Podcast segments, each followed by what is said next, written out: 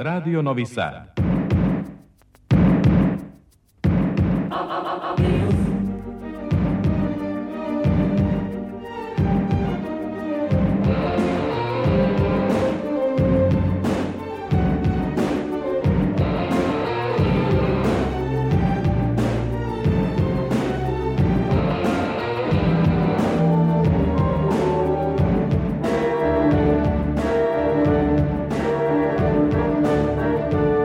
Spektar.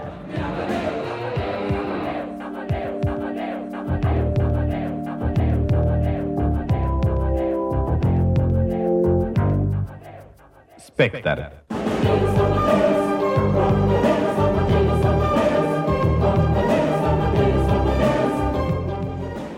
10 je sati i 14 minuta. Dobro večer, dragi slušalci Spektra. Petkom pred ponoć na samom kraju radne sedmice uobičajeno pregled dešavanja u kulturi na prvom programu e, Radio Novog Sada. Najavljujemo večeras filmske festivale u Somboru i na Paliću. Teatrolog Svetislav Jovanov govori o pozorišnoj produkciji upravo završene sezone. Četiri izložbe u fokusu su naše pažnje ove sedmice. Ja sam Aleksandra Rajić, pozivam vas da poslušate ono što smo za večerašnju emisiju odabrali i pripremili.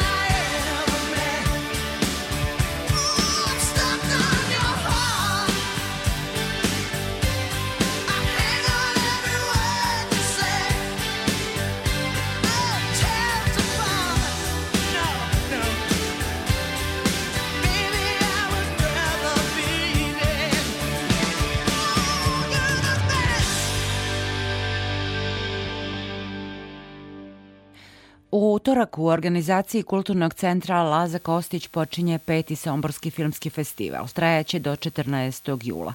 Festivalsko priznanje, specijalni Ernest za doprinos dobrim filmovima na osnovu odluke direkcije festivala, podshumno će biti dodeljeno velikanu evropske kinematografije, reditelju Puriši Đorđeviću. O filmovima koji će obeležiti ovogodišnje izdanje festivala sa selektorom Dejanom Dabićem razgovarao je Goran Vukčević ove godine e, koji su to razlozi da se neko predeli i da poseti i ovaj festival? Pa ovako imamo e, dosta zanimljiv program. E, mislim da je program dostojan tog jednog malog jubileja, dakle od pet godina. Na otvaranju će biti prikazan film Ovuda će proći put, reč o debitanskom ostvarenju koje za sada već ima nekoliko nagrada, iako nije još uvek u bioskopskoj distribuciji, film je bio na Beogradskom festu prikazan premijerno. A, pošto ove godine imamo jedan a, slogan a, za one koji dolaze, pa je jedan takav film koji su radili mladi ljudi, koji je ovako stilizacijski potpuno drugačiji od nečega što je viđeno u posljednje vreme u domaćem filmu, tako da se uklopio u čitav taj kontekst. Naravno, moram da kažem da ove godine odajemo počasti jednom od pionira kinematografije druge Jugoslavije, to je Mladomir Puriša Đorđević, čiji će film Usta puna zemlje biti prikazan takođe na otvaranju, ali kao drugi film u atriumu gradske kuće i a, biće a, ova nagrada a, specijalni Ernest posthumno uručeno na zatvaranju festivala a, Purišenih čerki za doprinos koji je Puriša da bome, koji je Puriša a, dao a, jugoslovenskom i srpskom filmu, a kažem filmu sa puna zemlje a, će biti prikazan u programu kad bi Sombor bio Hollywood, Raša Bukvić igra glavnu ulogu, Raša Bukvić je naš poznati glumac koji inače poreklom Somborac. Tu je Laza. Jovanov koji inače je da član bome. naše redakcije ovde. Jeste, ali Raša Bukvić dakle igra glavnu ulogu, ali slažem se sa vama da klima nekoliko poveznica za, za ovaj, to da film bude u ovom programu. Inače, od uh, drugih uh, filmova u takmičarskom programu biće zanimljivo pogotovo ljudima u o Vojvodini film Dobrodošao kući brate, o, to je jedna slovačko-češko-srpska koprodukcija. Se pojavljuju glumci iz naše zemlje, iz Slovačke i Češke, o jednoj a, zanimljivoj, da kažemo, priči koja a, govori o jednom a, odnosu između a, Slovaka i Mađara i o tome kako to može da stvori razne komične i ovaj zanimljive, da kažemo, situacije u ovom filmu koji je a, jedna, rekao bih, pomalo i komedija mentaliteta, malo i komedija naravi, jedan simpatičan film, ali kažem koji će pre svega ljudi u Vojvodini da razumeju. I to je film koji, koliko ja znam, ima samo možda jednu ili dve projekcije u, u, u ovoj našoj zemlji. Novom Sadu i, i, i mislim da je u, u Bačkom Petrovcu imao projekcije, tako da će, mislim, u Somboru biti jedna od tih nekoliko projekcija, tako da se može na neki način tretirati kao premijera. Tu su naravno i filmovi a, velikih značajnih rejtelja iz regiona, kao što je recimo Milčo Mančevski film Kajmak, koji je takođe u regionalnom smislu bio premijerno prikazan u, a, na festu, inače jedan zanimljiv dvostruki zapravo rekao bih ljubavni trougao. Inače ove godine mi se bavimo u tom tematskom smislu u oba programa nekom vrstom prevazilaženja predrasuda, bilo da su seksualne predrasude kao što je u filmu Mirča Mančevskog ili da su recimo nacionalne predrasude kao što je to u filmu Praznih rada Pijera Žalice ili recimo te da kažemo opet predrasude između različitih, da kažemo, nacije, kao što je već u ovom filmu koji sam pomenuo, Dobrodošao kući, brate, ili recimo predrasude koje su vezane za drugi svetski rat, a odnosi se na nemački film Falsifikator, koji je takođe bio jedan od najgledanijih filmova na festu. Tako da u tom glavnom takmičarskom programu imamo zaista jedan, rekao bih, zanimljiv presek onoga što su podmino skopanovske kinematografije, naravno uvek mogu da budu i još neki dodatni filmovi, ali prosto imamo neko ograničenje da, da ima pet filmova u takmičarskom programu koji konkurišu za a, glavne nagrade festivala, a u okviru programa posvećenih mladim autorima postoji ovaj nagrada za najbolji film i tu takođe imamo izuzetno jaku selekciju.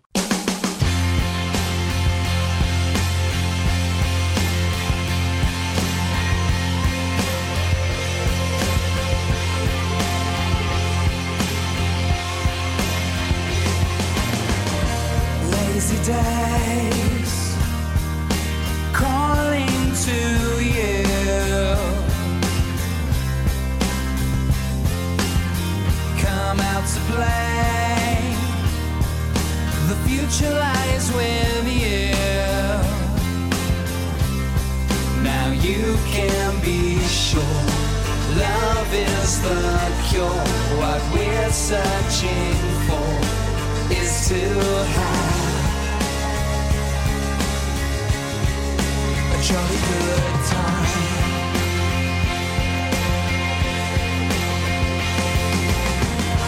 Crazy days, but you'll get me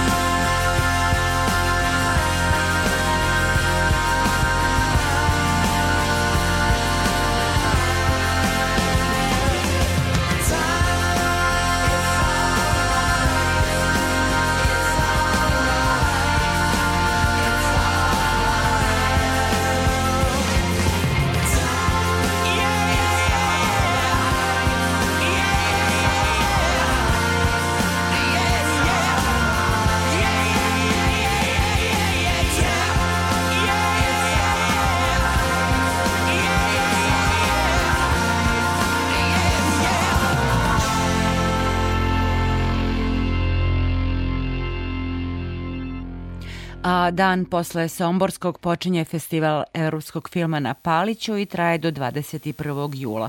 Ove godine slavi tri decenije postojanja i dve decenije od kako je dobio evropski format.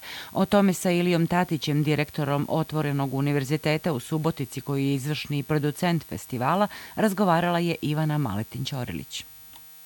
2003. godine festival poprima međunarodni karakter i taj snažan evropski pečat, što je bilo vrlo smelo u to vreme opredeliti se da bude okrenut evropskoj kinematografiji. Na kojim postulatima je nastao? To je bio jedan vrlo rizičan potez, koji niko nije zapravo iz e, rukovodstva festivala znao kako će odjeknuti i šta će to doneti festivalu.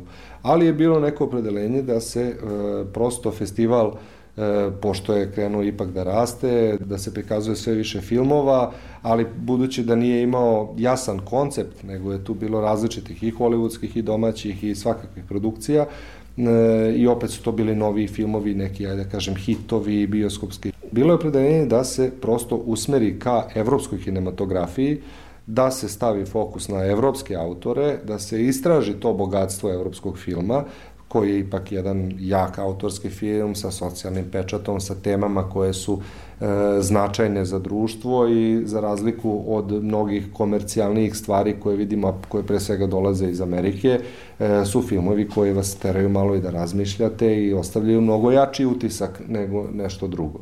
Tako da ispostavilo se da je to bio jedan sjajan potez, da je festival time dobio e, jasan identitet, jer se na osnovu toga e, u poslednjih desetak, 12 godina izgradile su se i ostale celine festivala, e, što je doprinelo da Palički festival, što se tiče Srbije, a i mnogo šire, dakle, i na nivou same Evrope, bude jedan festival sa jasno izraženim identitetom i konceptom jer koncept festivala, eh, jasan koncept festivala jeste ono što nas zapravo i odvaja od drugih, uz naravno jedinstvenu lokaciju i nezaobilazno gostoprimstvo.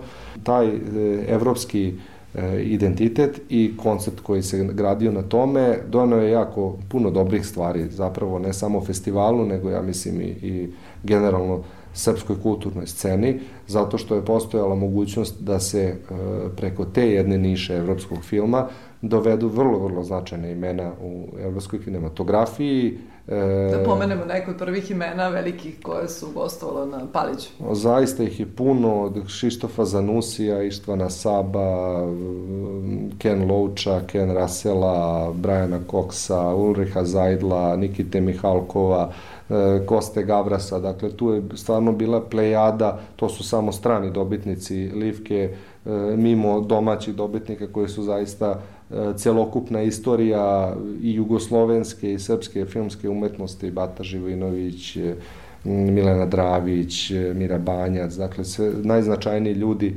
e, koji su obeležili e, epohu filma u zadnjih 50-60 godina kod nas, ako ne i više. Tako da e, bilo je zaista dobro da jedan relativno mali festival u, u maloj zemlji koja nije velikih e, industrijskih kapaciteta u smislu filma, tu mi nismo veliko tržište, niti smo interesantni u tom smislu kao Srbija u, na, na tom e, prosto kinematografskom širem polju. Da mi imamo priliku da prikažemo sve te ljude publici, da oni razgovaraju s, s, i sa našim medijima i da, da odgovaraju na pitanja e, novinara koji ih ovde intervjuišu u velikom broju, da naša publika ima priliku da ih pozdravi na sceni, da i bude sa njima u neposrednom kontaktu, a Palić je jako malo mesto i svi su upućeni jedni na druge i nije, nije redkost da vi ovde dok šetate posle projekcije filma zaista naletite na desetak reditelja te večeri koji su prisutni na festivalu i imali su svoje projekcije ili neke druge obaveze.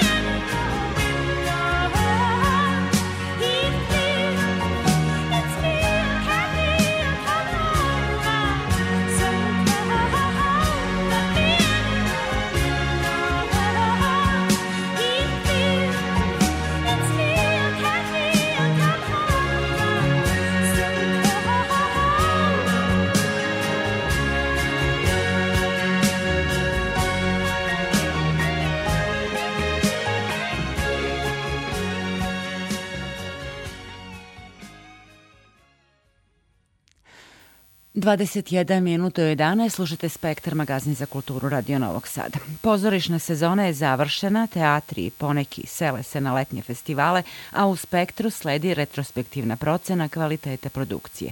Ili na pitanja o tome šta će od predstava živeti i narednih godina i kako publiku zadržati u salama, u razgovoru sa Tatjanom Novčić-Matijević odgovara teatrolog i kritičar Svetislav Jovanov. Šta su to nama naša pozorišta u ovoj sezoni ponudila?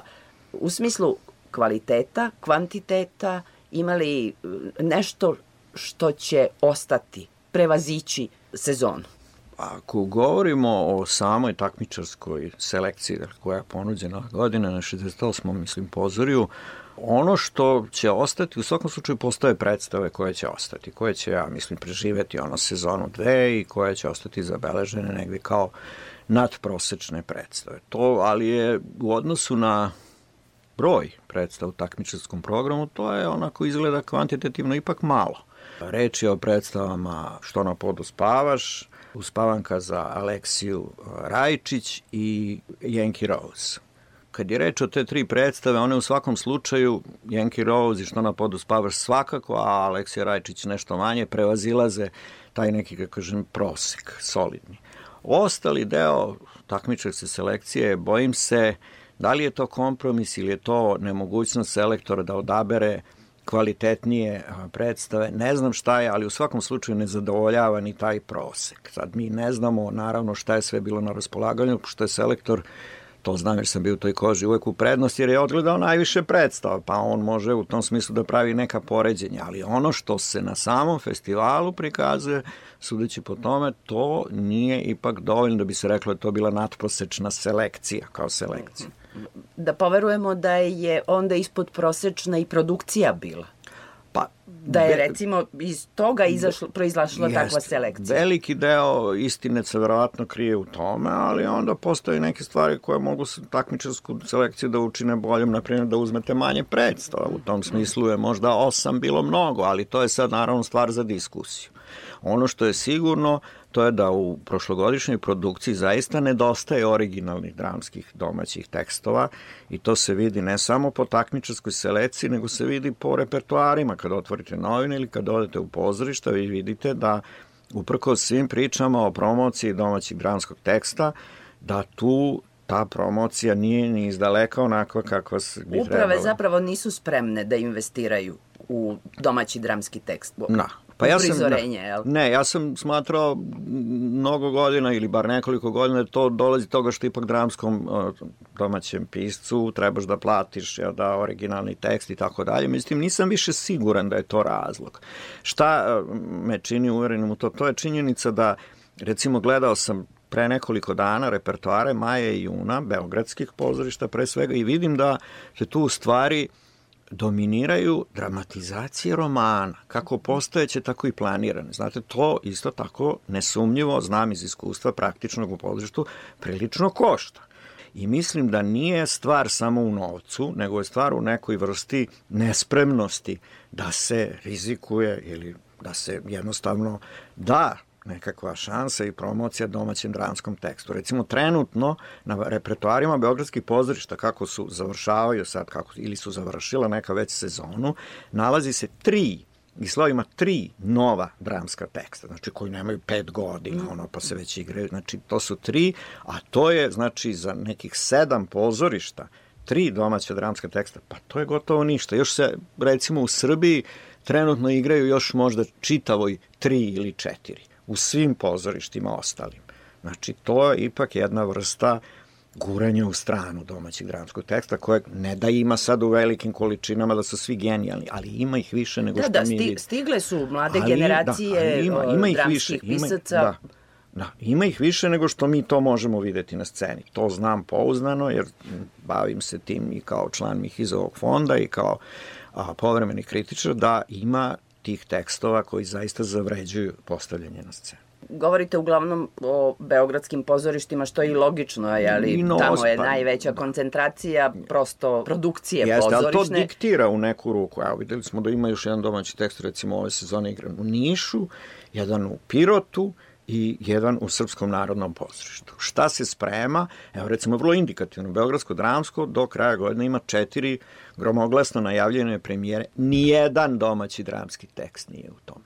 Tri su dramatizacije nekih romana koji ni po čemu nisu baš neke veliki svetski romani ili neka užasno zanimljiva umetnička dela, ako recimo izuzmemo Orwellovu 84. po ne znam hiljaditi put. Da, da, da, nekako ide se na sigurnu kartu, rekla bih. Pa, E, otprilike. Kako stvari stoje u, pozorištima u ostalim delovima Srbije, neću da kažem unutrašnjosti, zato što Da. neka pozorišta su već toliko etablirana Da. da, da su sam vrh. Pojavljuju se i zanimljivi Videli smo tamo recimo, bilo je prijatno osveženje pozorište u Kraljevu sa nekim postavkama. Jeste, jeste, ali trenutno sad oni nemaju nešto novo na repertoaru. Pozorište u Novom pazaru, koje se isto tako afirmisalo, pre par sezona vidim da mm, ili nema mogućnosti ili nije nastavilo tim tempom.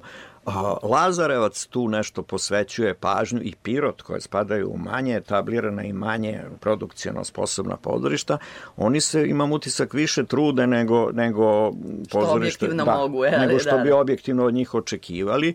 U Vojvodini stvar stoji promenljivo, Sombor je pokazao također, oni tragaju neke tendencije zanimljive i mislim da u ovoj, ja sam gledao taj, to besnilo dramatizaciju Borisa Lješevića, za sve svoje mane mislim da je ono stvarno imalo mesta u ovogodišnjoj takmičarskoj selekciji, pošto su najmanje tri ili četiri predstave manje kvalitetne od toga, ali recimo to je isto tako dramatizacija, dakle vrlo su redki originalni dramski tekstovi. A kada je reč o stranim piscima, i tu imamo i klasike i u nekoliko savremeni dramski tekst preveden, jesmo li bar tu dobili predstave za koje možemo da kažemo o da, ovo je stvarno odlično pozorište 21. veka? A nisam ni u to tako siguran. Postoje izuzeci, postoje um, neke stvari koje se, uh, ljudi koji se trude, recimo, bez obzira na, na neuspešnost krajnjeg rezultata, bilo je vrlo zanimljivo pre par sezona to postavljanje Orlanda, Virginia Woolf u, u Narodnom pozorištu, gde se mnogo potrudila Tanja Šljiver sa nekom adaptacijom, ali e, da mi predstavljamo, koliko ja znam, nekakve e, značajna imena, nova imena evropske drame, ili bar imena koje su se eta- etablirale u poslednjih, recimo, 20 godina, to je takođe na neki način omalilo. Mi ne možemo sad, nekad su ipak ovde postavile pre deseta godina i Elfrida Jelinek, na primjer, i ostali nemački neki autori, i recimo nova francuska drama za nas ne postoji uopšte. Španska, gde sad već imamo neke prevodioce, vrlo je redka, sem tog Majorge koji je solidno prošao u Zrenjaninu, kad pogledamo ono što se sad pojavilo od nove evropske drame, to su dve, dva teksta u ateljevu koje su, po mojom mišljenju, potpuno jedan, kako bih rekao, intelektualni bulevar, Dakle, nisu ništa naročito, ni- niti su pametni, niti su zanimljivi, niti su i ta manija, recimo, kruna tog našeg, kako da kažem, pogrešnog odnosa prema, prema stranim nekim novim vrednostima dramskih je taj slučaj Zeller za mene. Sad se masovno postavljaju ti delovi, taj tri drame njegove trilogije, otac, majka, sin, već kako se zovu. I čujem da su ih u Sarajevu, recimo, postavili sve tri kao trilogiju, a to je jedan, tako kažem, intelektualni bulevar, koji ima jednu tako vrednost, zaboravite kad izađete iz pozorišta šta ste gledali i to se kod nas prodaje ili ta Sara Rule koja je bila u ateljevu kao neka vrhunska. Da to rezimiram, dakle, nis, nemam utisak da pratimo u tom smislu dovoljno, bar po onom što se vidi na našim repertoarima, neka zaista nova i sveža imena, na primjer, ne znam, tu špansku, francusku, finsku, skandinavsku, italijansku, koja je takođe ono, potpuno odsutna, sad je u ateljevu jedan italijanski ovaj, novi komad postavljen, to nisam imao prilike da vidim, deluje zanimljivo, ali to je posle, ne znam, decenije čitave da je nekakva italijanska drama prisutna na našim scenama. Imam utisak da se u tom smislu ne, ne ide dobrim putem zato što naprosto ljudi koji to biraju nisu za to kompetentni. Mi još uvek nemamo dovoljno dramaturga u našim pozorištima, nemamo ovi, na tim pozicijama ljudi koji kreiraju repertoar, nemamo ljude koji to rade smisleno i koji bi učinili da mi jedno pozorište prepoznamo po nekom profilu dobro razlike su poželjne i poželjne su da svi probaju razne stvari, ali da mi znamo da evo, pozorište ovog profila igra ovakve komade, pozorište igra ovakve, ovi igraju klasiku, ovi igraju to. Tako da ovo je sve jedna vrsta kako padne.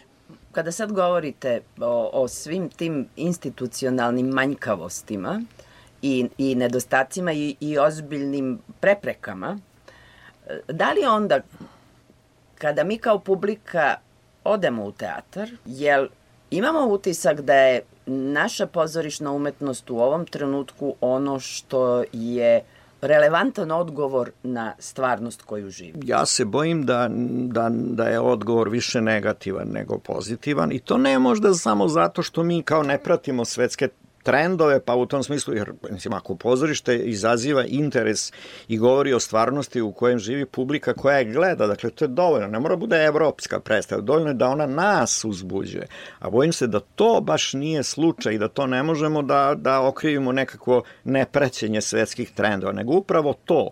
Dakle, mi ne učimo ljude da razmišljaju, ne učimo da tragaju, nego ih učimo da slede određene konvencionalne obrazce, koje jednostavno publika jednom prima, drugi put prima, treći put kaže da je dosadno i tako dalje. Mi zovemo publiku predstava je poziv na neki susret.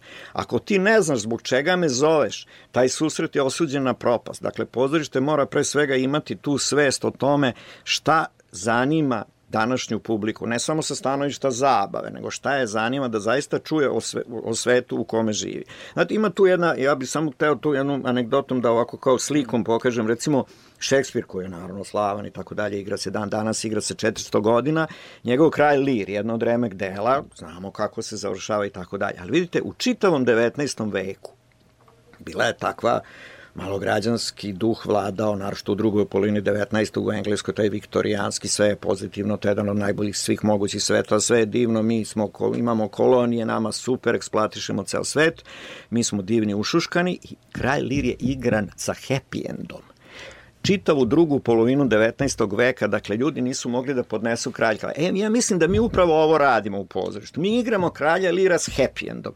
Mi se, e, da kažem, šalimo i pravimo šegu, dakle smatramo da je naša publika nedozrela, da je pokažemo da živimo u ovo vreme i da delimo iste teškoće i probleme i, kako kažem, nekakve vrste egzistencijalnih strahova i kriza zajedno s njom. Ne, nego mi ili vozimo Nušića na isti način ili uzmemo šest mikrofona pa mislimo da smo sad napravili nekakav super novi postdramski evropski teatar, a to što posle pete reprize nikog nema u sali, to nije važno. Važno da smo mi uknjižili, par kritičara je naravno uvek se nađe napisalo da je to super i svi smo zadovoljni. Gde je publika? Nigde. Ispostavili se da smo mi pozorišni ljudi, pre svega govorim, jel da, smatrajući jednog od sebe, jednog od njih, e, mi smo se zabarikadirali u ta, to malo sklonište ko, gde smo se sakrili od serija, od interneta, od svih tih medija, od tabloida i mi, mi mislimo sad da će u taj mali bunker, ne znam zbog čega publika sama doći,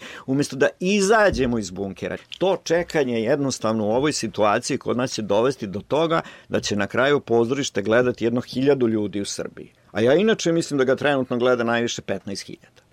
E to je ta opasnost koju mi ne vidimo zato što smatramo da je stvar koja, da je pozorište jednom zauvek kao osvojilo svoje pozicije. Svaki dan se pozicija osvaja. Znate, ne piše se za sutrašnju publiku ni za jučerašnju, nego, na, nego za, za današnju publiku. Nema druge publike.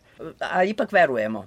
Verujemo u umetnost pozorišnu. Pozorišna umetnost je, kako jedna prljava umetnost.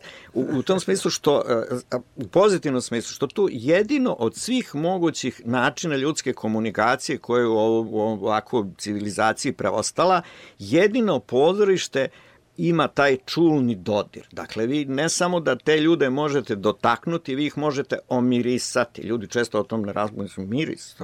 Možete čak okusiti pozorišnu predstavu.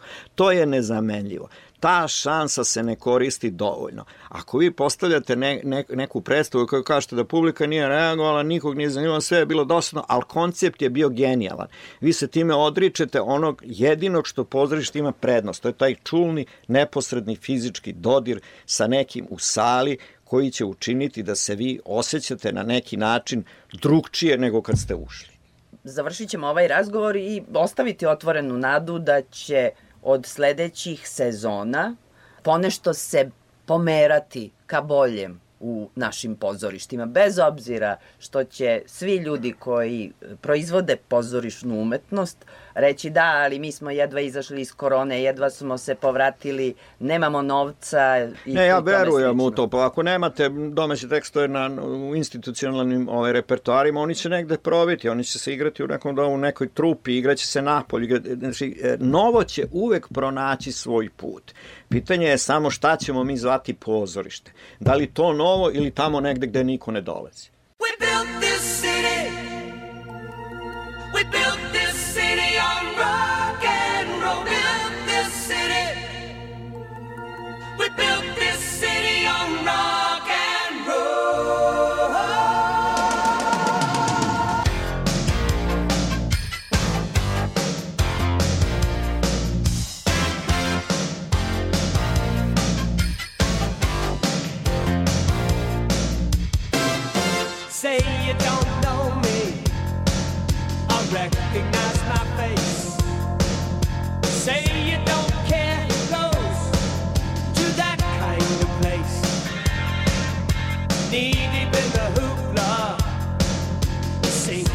your fight.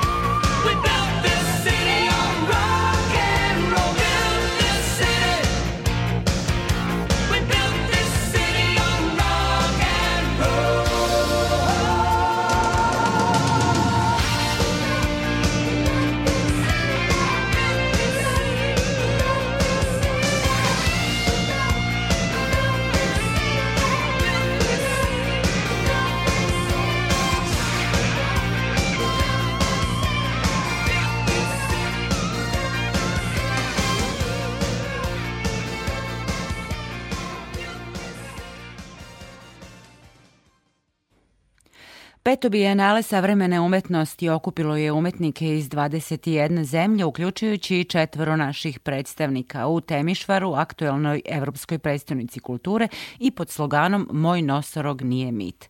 Traje do 16. jula.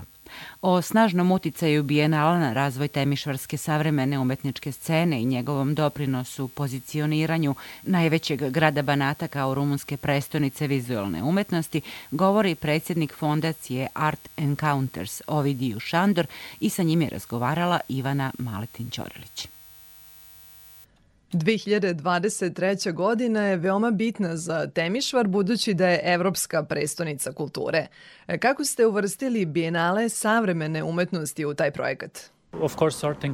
Art Encounters je projekat koji je započet još 2015. godine i nastavit će se i nakon Evropske prestonice kulture, tako da nije posebno osmišljen za tu priliku. Nastavljamo da sprovodimo projekat Bijenala prema planu. Smatramo da je Bijenala jedan od naših doprinosa kulturnom programu ove godine. Nadamo se da će posetioci Bijenala želeti da istraže i druge događaje u gradu, jer Temišvar trenutno nudi raznovrsne i zanimljive izložbe, koncerte i druge sadržaje. Takođe, očekujemo od onih koji dođu u Temišvar da dođu zbog titula Evropske prestonice kulture i da otkriju i Bijenale i da budu hrabri da istraže šta savremena umetnost znači i postanu njeni konzumenti. Na koji način umetnost može da preobrazi društvo i grad? Mislim da su umetnost i kultura veoma važni za obrazovanje društva. Smatram da društvo može da napreduje ekonomski do određene tačke, nakon čega, ako se ne razvije u kulturnom, socijalnom i građanskom smislu, neće ostvariti progres. Dakle, za napredak društva kultura je fundamentalni sastojak, a naravno, savremena umetnost je vid kulture koji se bavi problemima savremenog društva. Umetnici nastoje da se bave pitanjima koja su relevantna za nas kao zajednicu, zemlju i civilizaciju, počevši od političkih pitanja, rata u Ukrajini, do ekoloških briga, pitanja razvoja društva, estetskih pitanja i slično.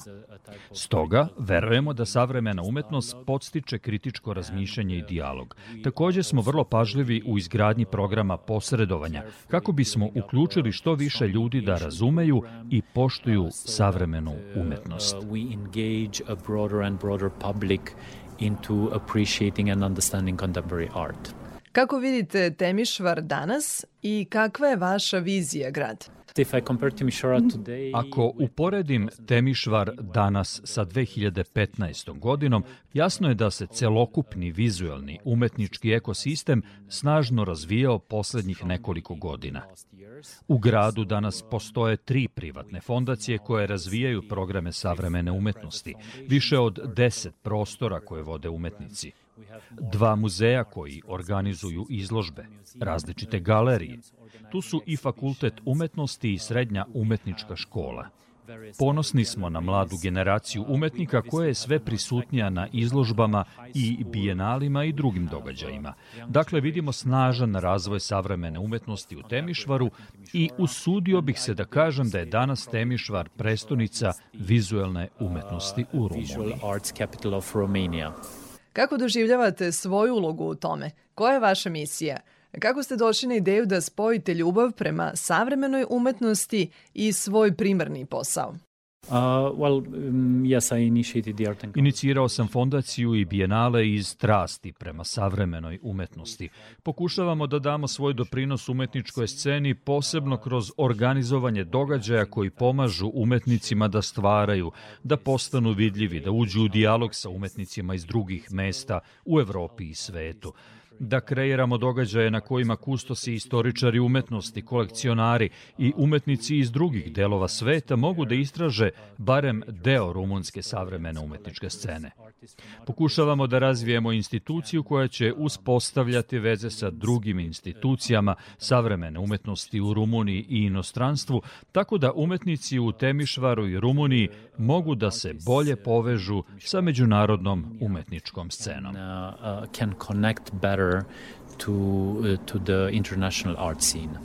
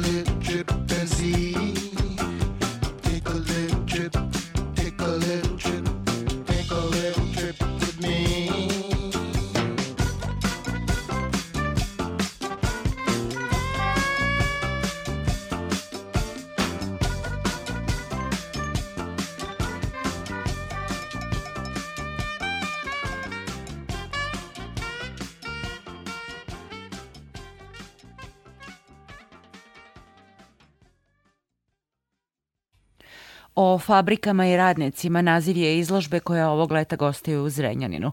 Postavku su osmislili kustosi Beogradskih muzeja nauke i tehnike i Muzeja Jugoslavije s namerom da podsete na značaj industrijske baštine za istoriografiju, pre svega društvenu i ekonomsku, ali i da postave mnoštvo pitanja. U rasponu, a to ćete čuti u narednim minutima, od radničkog pokrita i samoupravljanja, istorije predratnih i socijalističkih fabrika do njihovih bolnih privatizacija, uticaja na današnju privredu, pa i, kako kažu, emotivnog odnosa i ponosa građana neka, na nekadašnje privredne veličine. Autorski koncept obuhvatio je pet industrijskih gradova i lokaliteta Kragujevac, Niš, Leskovac, Bori Majdanpek i Zrenjanin, koji se pokazao logičnim domaćinom ove postavke.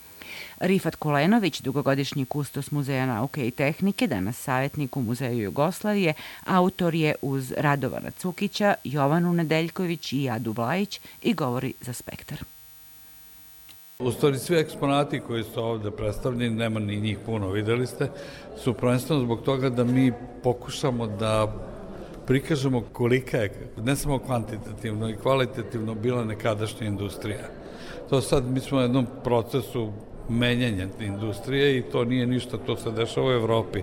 Kod nas se to malo brutalno desilo, ali jeste prosto u tom nekom opštem toku. I onda smo probali kroz nekoliko lokaliteta, pet konkretno, da prikažemo neke važne regije koje su bile ne samo industrijske, nego zahvaljujući čak i industriji su postali neki centri kao što je Leskovac, na primjer.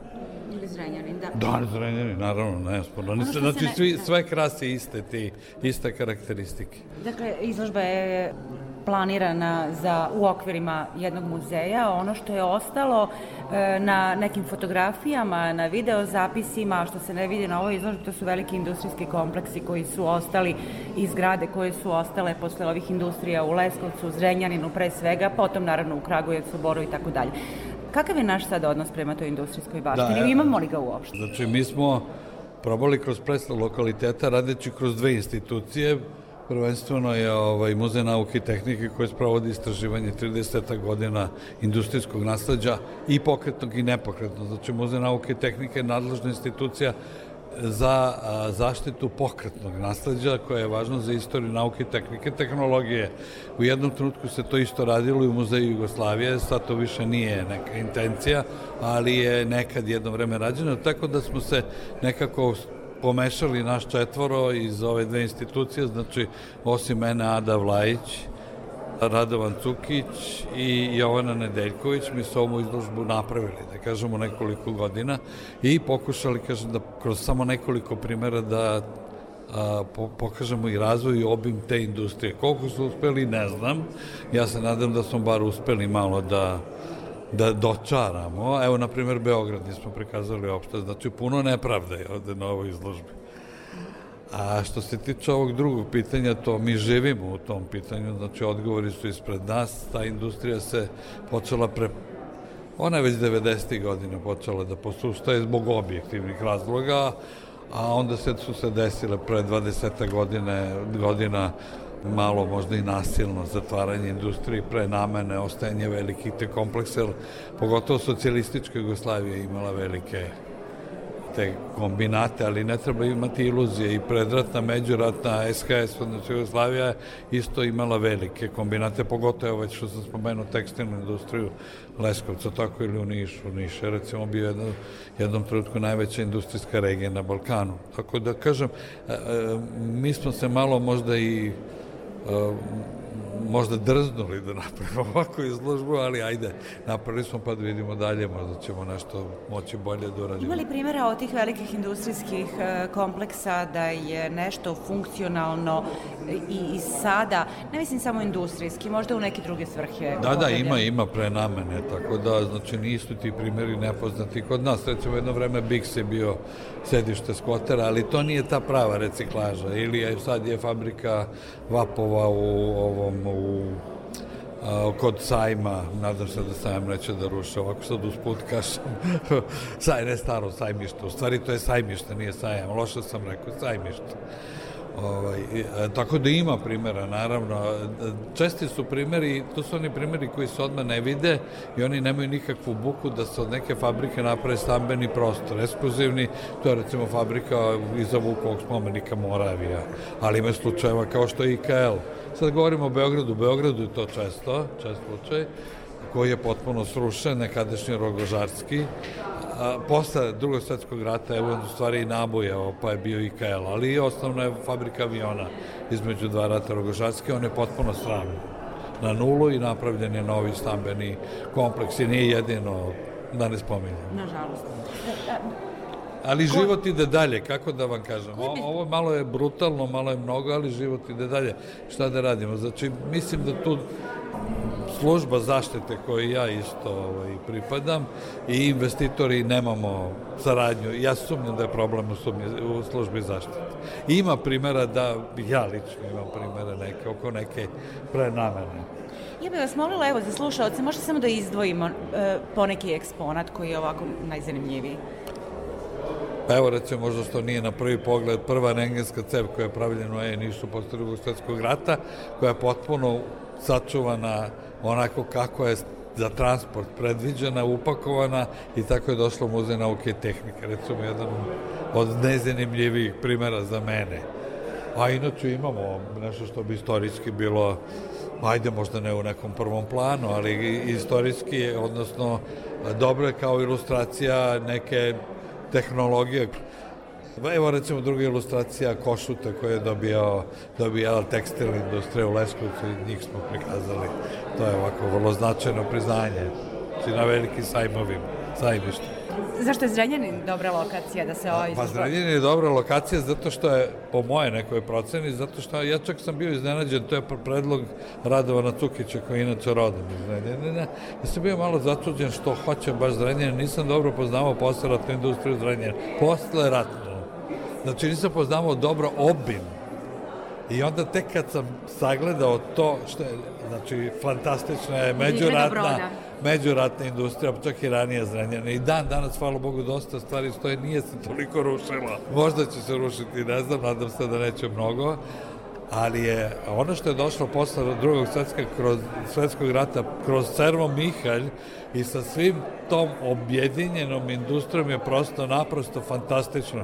Tako da je Zrenjanin jedan tipičan primer kako jedan grad i jedna regija se razvija od bogatog industrijskog nasljeđa, tehničkog, tehnološkog, međuratnog, u jedan novi kvalitet posle drugog svetskog rata, a pritom nije onu bazu svoju zaboravio i uništio, nego i ona radila dalje. Zato je Zrenjanin izvanredan. On je jedan kontinuitet, jedan živ lokalitet, još uvek mogu da kažem. Da, Nadamo se još. nadajmo se, nadajmo Hvala vam se. na ovom razgovoru.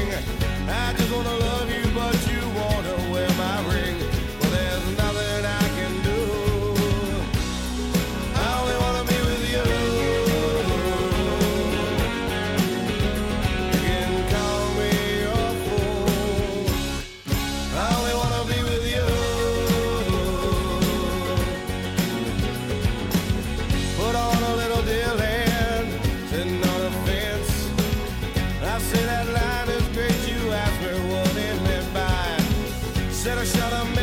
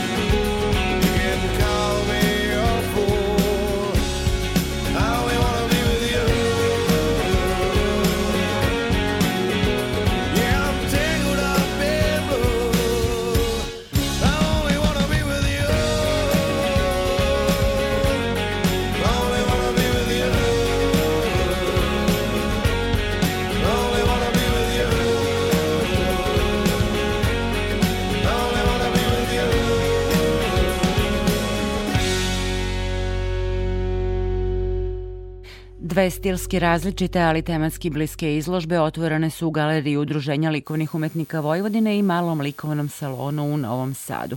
Novosadski umetnik Eduard Balaž estetikom video igara govori o sudbini dva grada, Novog Sada i Zrenjanina, dok beogradska slikarka Sli- Silvija Kovjenić fotografijama i kadrovima Diseldorfa evocira uspomene. Silvija Kovjanić je slikarka, a njen rukopis, geometrijska abstrakcija, prepoznatljiv je i na ovim fotografijama izloženim u malom likovnom salonu. Industrijski i gradski prizori Dizeldorfa, načinjeni pre 20 godina, updateovani su nedavno diskretnim, rafiniranim i izuzetno emotivnim slikarskim intervencijama, kao uspomene koje su vremenom dobile na lepoti. Posle e, diplomiranja na Fakultetu primenjenih umetnosti u Beogradu sam se razmišljala da li da nastavljam studije, ali ipak e, je prelomilo to pa sam otišla u Düsseldorf. Tamo sam se upisala, znači, kao gostujući student. Klasa je bila, profesor je bio skulptor i kolege su nam bili sa različitih smerova što je bilo drugačije u odnosu na moje slikarstvo koje sam završila na primenjenoj. Tako da dosta toga i bukvalno sve se promenilo. Od mnogih izložbi, mnogo dobrih izložbi, naravno, kao što spominjate, Bojs, jeli, i sa akademije koja je važila, jeli, tada za vrlo značajnu. Dosta sam putovala sa tom nekom karticom, jeli, studenskom, se moglo po čitavoj Nord Rhein-Westfalen putovati, znači to je bio Essen, Keln, Dortmund, Wuppertal, I ove fotografije su Duisburg. zapisi sa tih putovanja. I ove fotografije su tako je, znači to je taj neki moj način koji sam morala nekako da zabeležim to, tako se izložba iz ove dnevničke zabeleške, ali naravno opet sam ja e, na njima fotografisala ono što me zanima, jeli, bilo je vrlo, na primjer, i zahtevno pronalaziti neke fabrike, znači trebalo ići malo, malo iz, izvan tih gradova, Zapravo su kompoziciono vaše e, fotografije, ja bih rekla, vrlo komplikovane. E, ima nešto i od tog vajarstva koje pominjete na njima? Ima prostornosti u njima? Nadam se možda i da ima, jeli, ali nekako prvenstveno sam ja slikar. Tako da na tim fotografijama sam 2021. godine ipak to nešto slikarsko je u meni moralo da progovori, tako da sam intervenisala slikarskim tehnikama, kolažima, raznim flomasterima, srebrnim, zlatnim. Ta srebrna i zlatna mi je i na slikama u poslednje vreme vrlo važna i 2023. sam opet nastavila jeli, e, to da radim, ali ovde trenutno na ovoj izložbi izlažem i fotografije.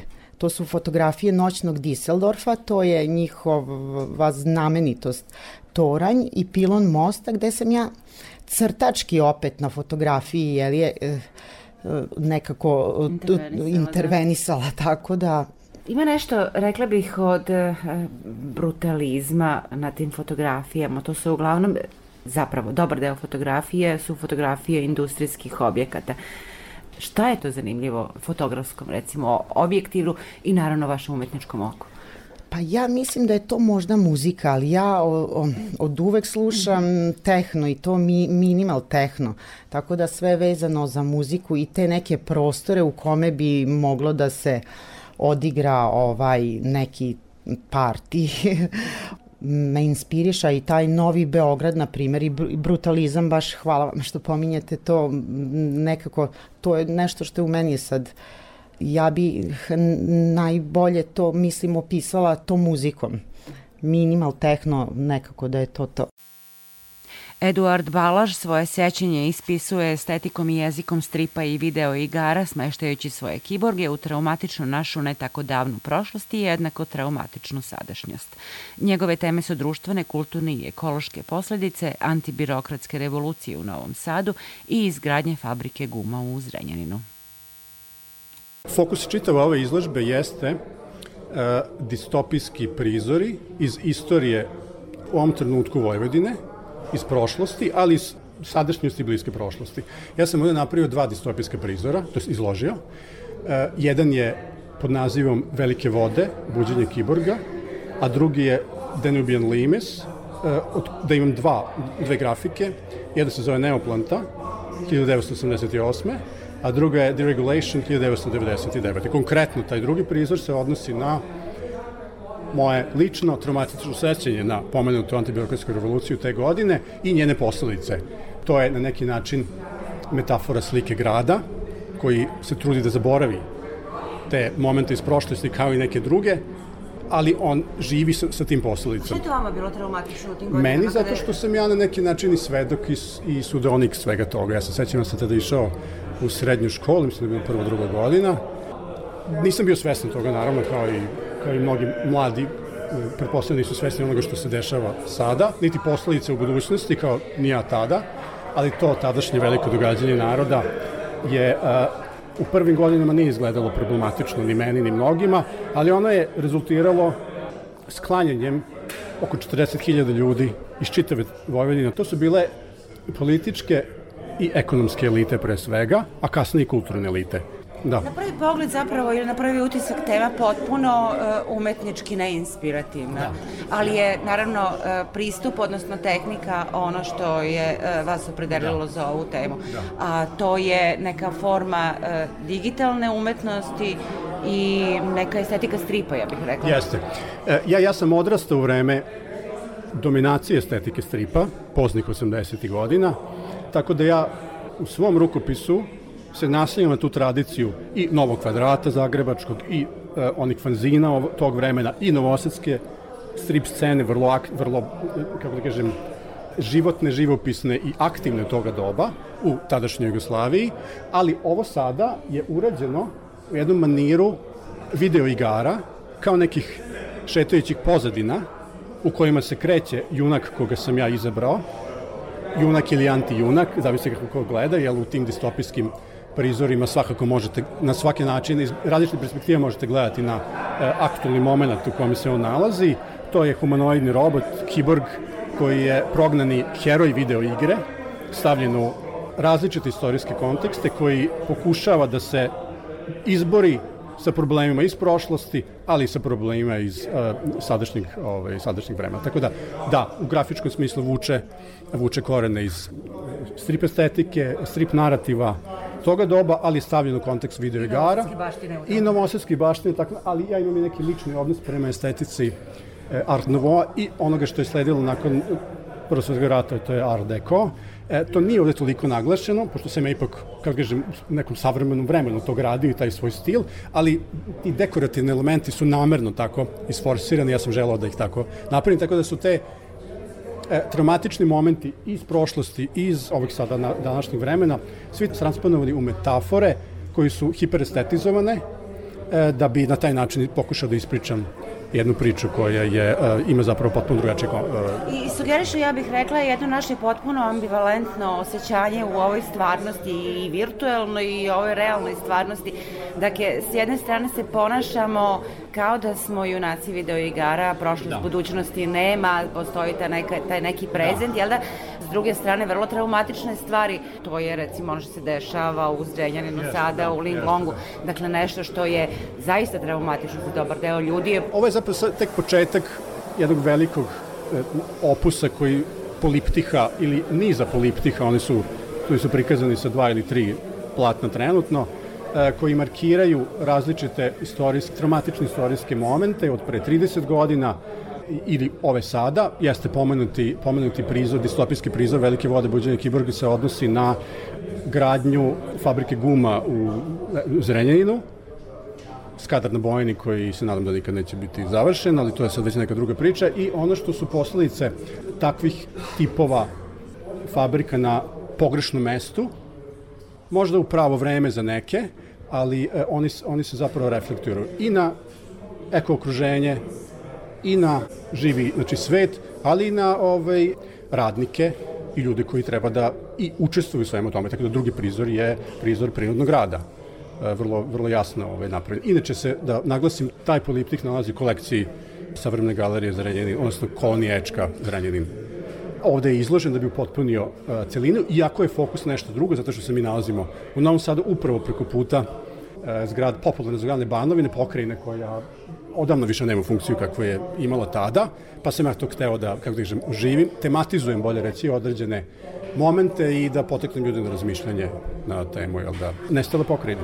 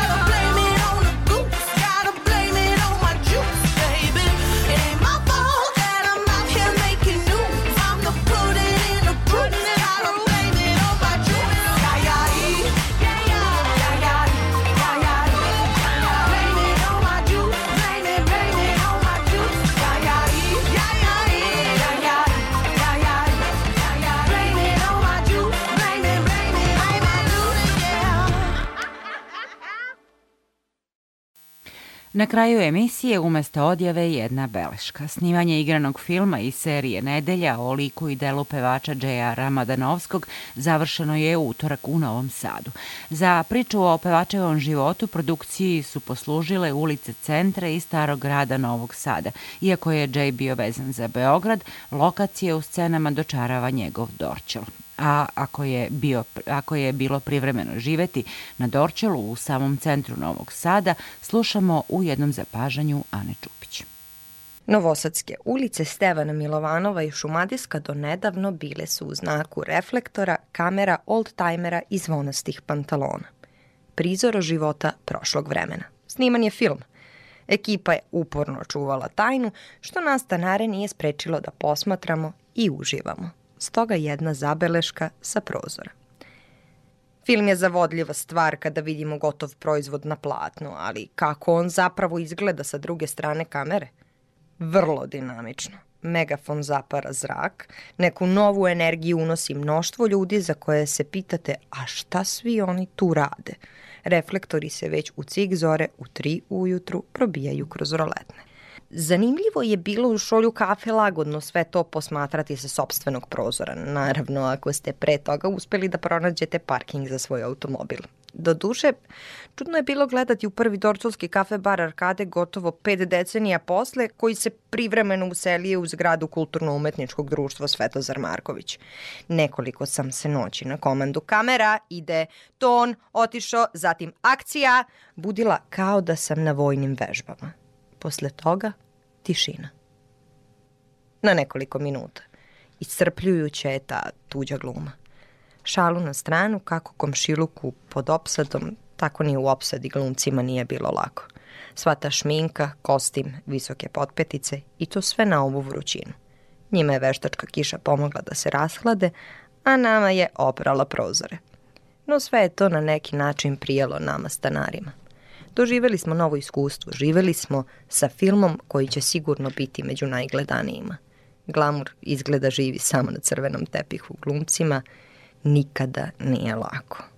A nije bilo ni nama koji smo svaki dan i noć nepunih mesec dana živeli dževu nedelju. Radujem se premijeri. Slušali ste Spektar prvog programa radija, radio televizije Vojvodine, a već od sutra na odloženom slušanju na sajtu rtv.rs. Realizovali su ga Slavica Filipović, Zoran Gajinov, ja sam Aleksandra Rajić. Ostanite vedro i dobro, želim vam prijatnu julsku noć.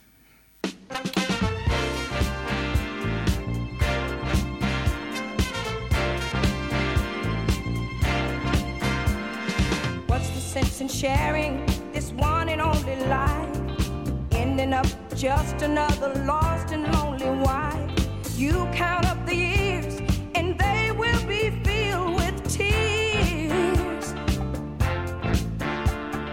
Love only breaks up to start over again. You'll get the babies, but you won't have your man. While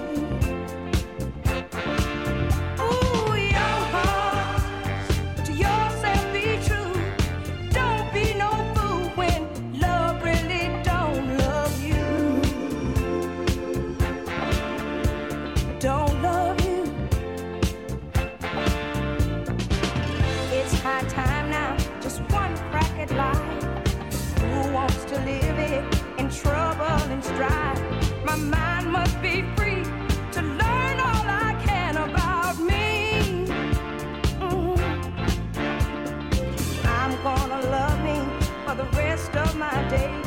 Encourage the babies every time they say self preservation is what's really going on today.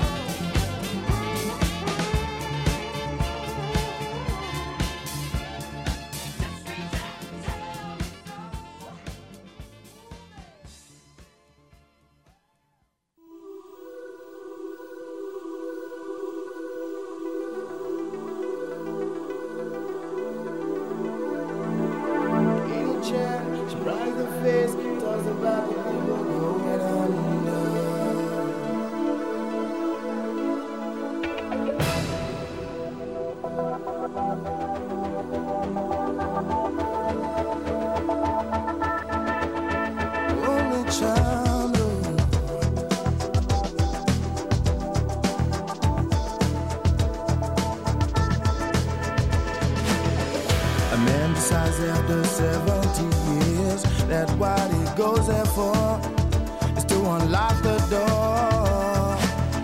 While well, those around them criticize and sleep.